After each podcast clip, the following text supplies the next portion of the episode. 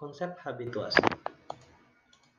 Habituasi diartikan sebagai sebuah proses pembiasaan pada atau dengan sesuatu supaya menjadi terbiasa atau terlatih untuk melakukan sesuatu yang bersifat intrinsik pada lingkungan kerjanya.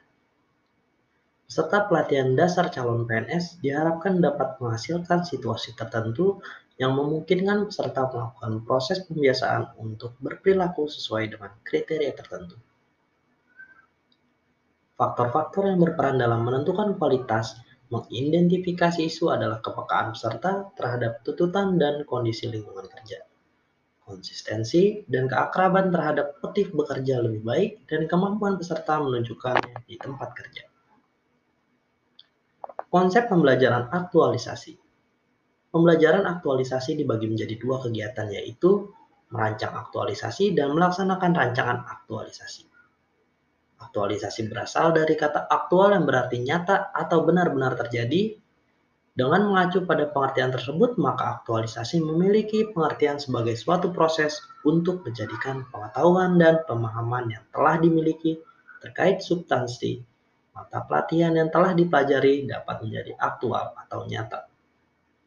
Jadi, aktualisasi adalah menerjemahkan teori ke dalam praktek, mengubah konsep menjadi konstruk, menjadikan gagasan sebagai kegiatan.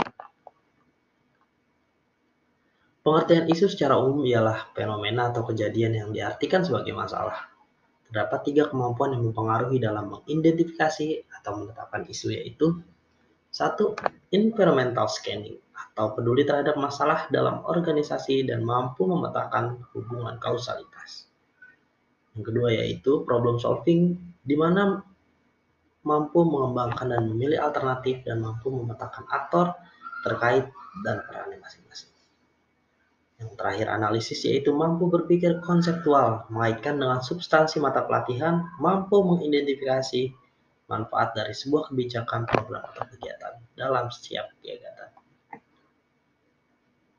Di dalam proses penetapan isu berkualitas diperlukan alat bantu penetapan kriteria kualitas isu. Misalnya, dapat menggunakan kriteria aktual artinya benar-benar terjadi dan sedang sangat hangat dibicarakan dalam masyarakat Kehalayakan artinya isu menyangkut hajat hidup orang banyak, problematika artinya isu yang memiliki dimensi sehingga perlu dicarikan segala solusinya dan kelayakan artinya yaitu isu masuk akal dan realistis serta relevan untuk dimunculkan inisiatif pemecahan masalahnya.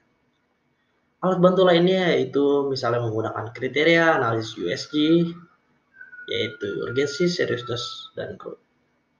Urgensi yaitu seberapa mendesak suatu isu harus dibahas, dianalisis, dan ditindaklanjuti, sedangkan seriusness yaitu seberapa serius suatu isu harus dibahas, dikaitkan dan akibat yang akan ditimbulkan.